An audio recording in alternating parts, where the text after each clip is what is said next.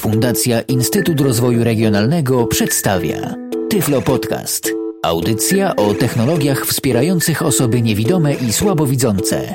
Witam wszystkich w kolejnym odcinku Tyflo Podcastu, pierwszego polskiego podcasta o technologiach dla niewidomych i niedowidzących. Przed mikrofonem Hubert Meyer. Dzisiejsza audycja dotyczyć będzie protokołu BitTorrent i jest to właściwie cykl audycji. Mam nadzieję, że będzie on trzyczęściowy. W pierwszej części zapoznamy się z protokołem BitTorrent, dowiecie się, dlaczego warto go używać i kto go używa, nie tylko do celów nielegalnych, e, jak się powszechnie uważa. Jest protokół BitTorrent stosowany. W drugiej części postaram się wyjaśnić Wam zagadnienia związane z korzystaniem z BitTorrenta przy użyciu uTorrenta, jednego z bardziej dostępnych dla nas klientów tej sieci wymiany plików. W trzeciej części stworzymy własny plik torrent, przekonamy się, że mimo, że cały ten proces jest nawet w środowisku osób widzących owiany pewnym takim e, mitem niewykonywalności, to jednak jest to rzecz bardzo prosta. Postawimy również własny tracker sieci BitTorrent. Nie jest to co prawda zbyt potrzebne w dzisiejszych czasach, ale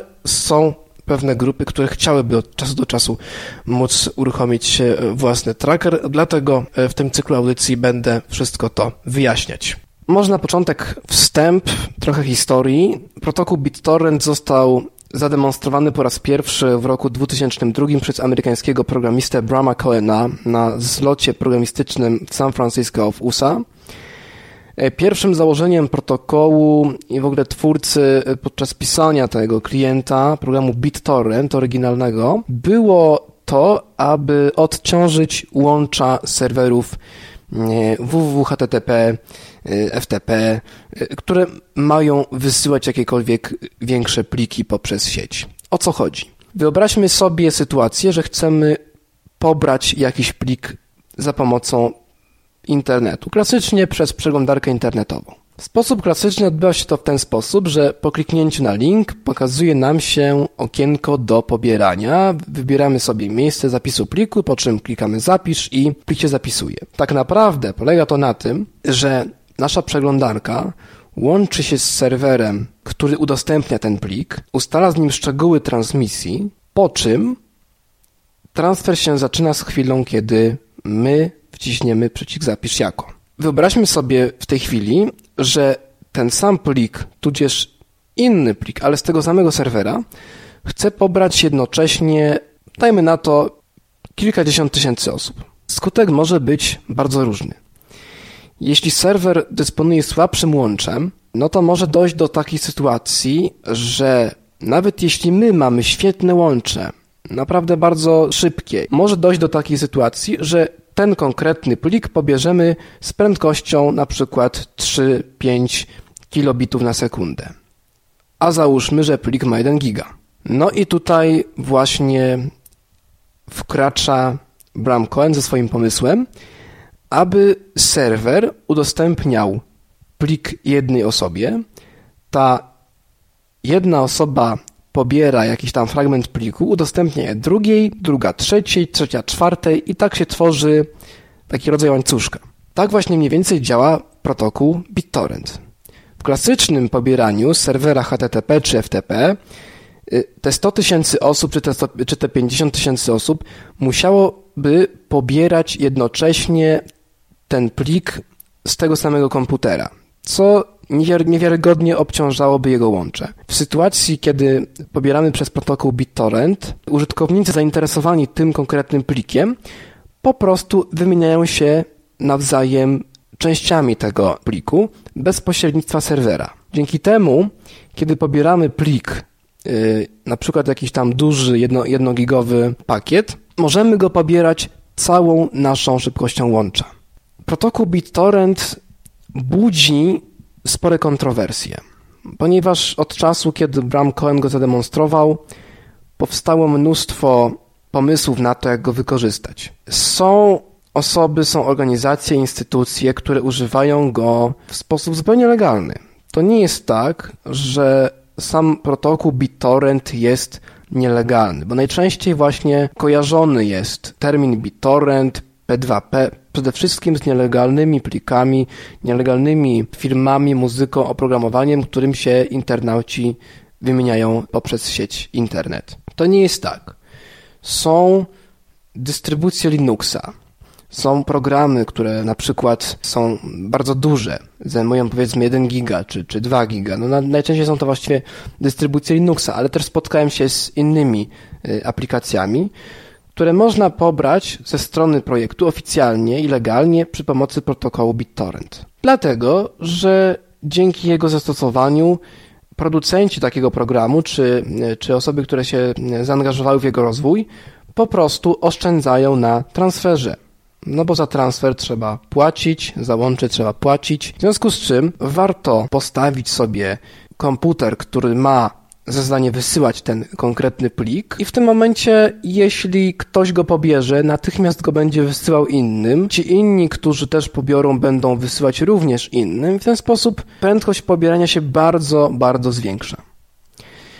Tak właśnie działa protokół BitTorrent. Y, są też oczywiście, i właściwie jest bardzo, w zasadzie zdecydowana większość stron, gdzie można znaleźć nielegalne oprogramowanie, nielegalną muzykę itd., tak itd. Tak I to jest właśnie ta ciemna strona BitTorrenta, która niestety powoduje, że sam protokół jest bardzo zwalczany przez organizacje antypirackie, tak zwane, które bronią praw autorskich.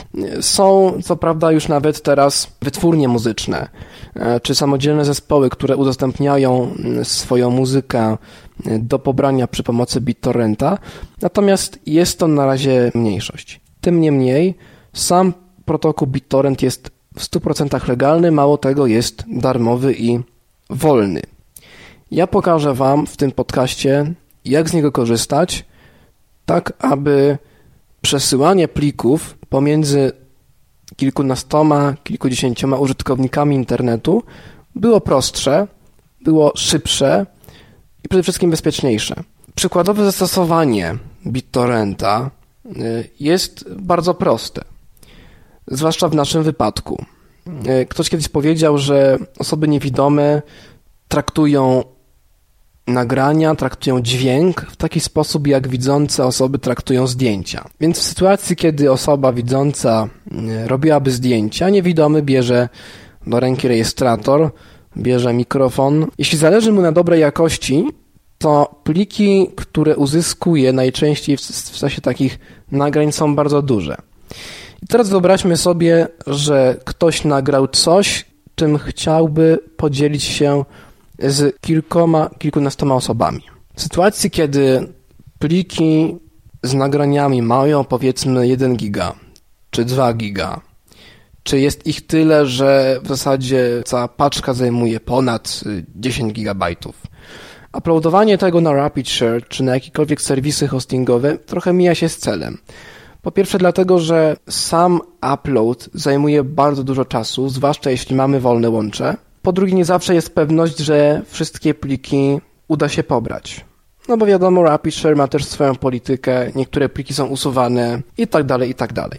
W sytuacji, kiedy wykorzystamy BitTorrenta, pliki pobiorą tylko te osoby, którym wyślemy plik torrent o którym później. Jak pobierać pliki przy pomocy BitTorrenta? Przede wszystkim do tego potrzebny jest specjalny program, tak zwany klient. Od czasu pierwszej prezentacji protokołu powstało tych programów mnóstwo. Są to dodatki do Firefoxa, jak na przykład FireTorrent.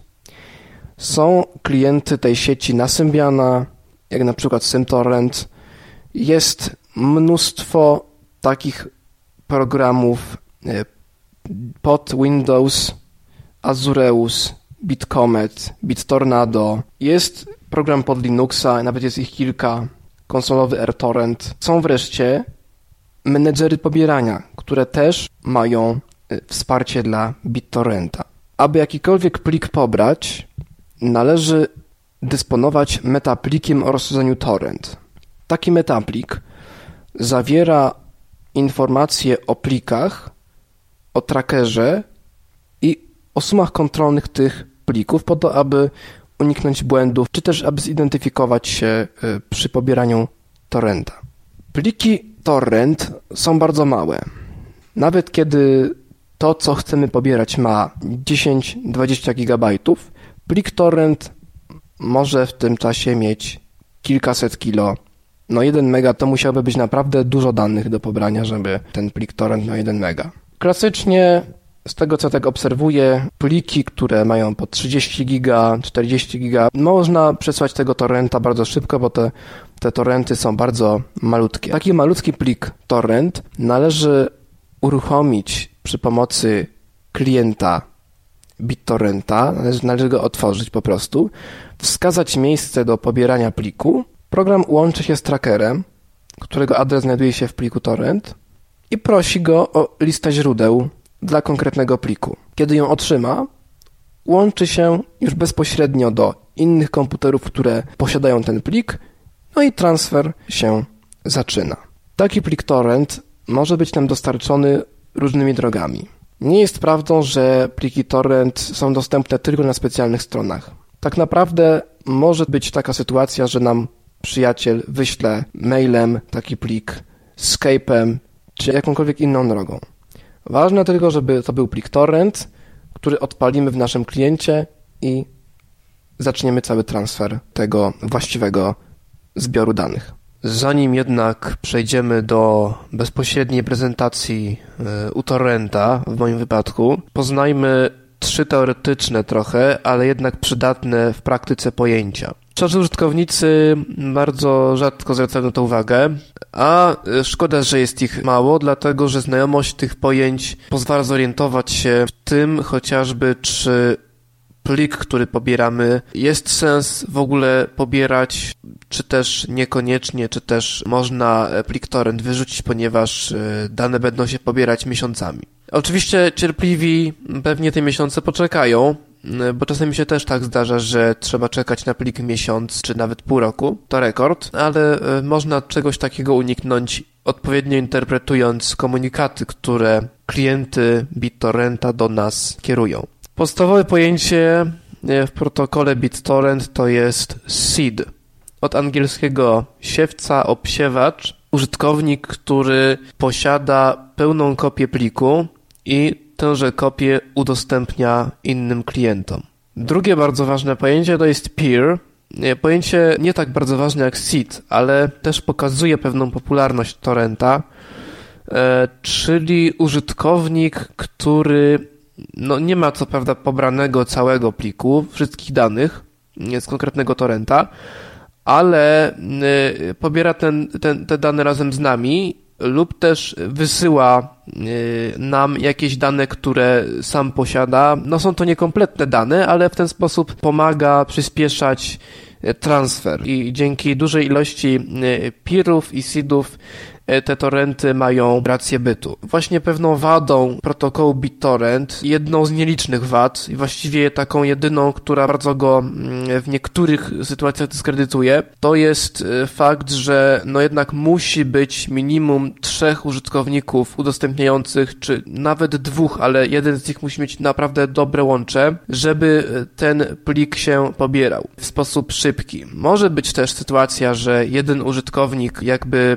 udostępnia torrenta, ale w tej sytuacji musi mieć on naprawdę potężne łącze, dlatego że pobieranie y, torrenta od jednego źródła nie jest przyjemnością. Te transfery y, sięgają mm, maksymalnie 12, 15, nawet no, do 30 w porywach y, kilobajtów na sekundę. Nie jest to szczyt możliwości protokołu BitTorrent, natomiast już e, takich dwóch użytkowników o przeciętnym łączu, powiedzmy nam Neostrada 1 mega, którzy coś tam wysyłają i już powodują, że ten transfer rośnie wprost proporcjonalnie do, do tego, jak oni wysyłają, z jaką szybkością oni mogą wysyłać dane. Tak więc już dwóch użytkowników i może być transfer na poziomie 60 e, kilobajtów.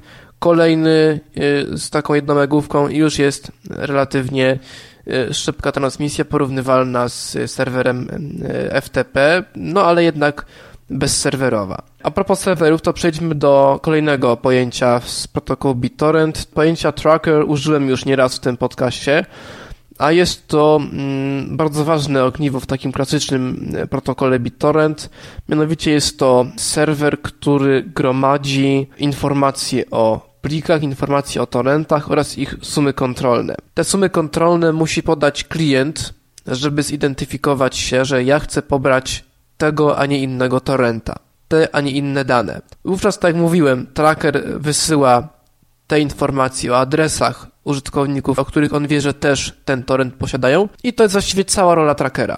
Na jego temat, na temat trackera będę jeszcze mówić w czasie tej audycji. Dziś to wszystko, a w kolejnej audycji dowiemy się, w jaki sposób używać uTorrenta, jednego z bardziej dostępnych dla nas klientów BitTorrent. Był to Tyflo Podcast. Audycja o technologiach wspierających osoby niewidome i słabowidzące. Audycja współfinansowana ze środków Państwowego Funduszu Rehabilitacji Osób Niepełnosprawnych.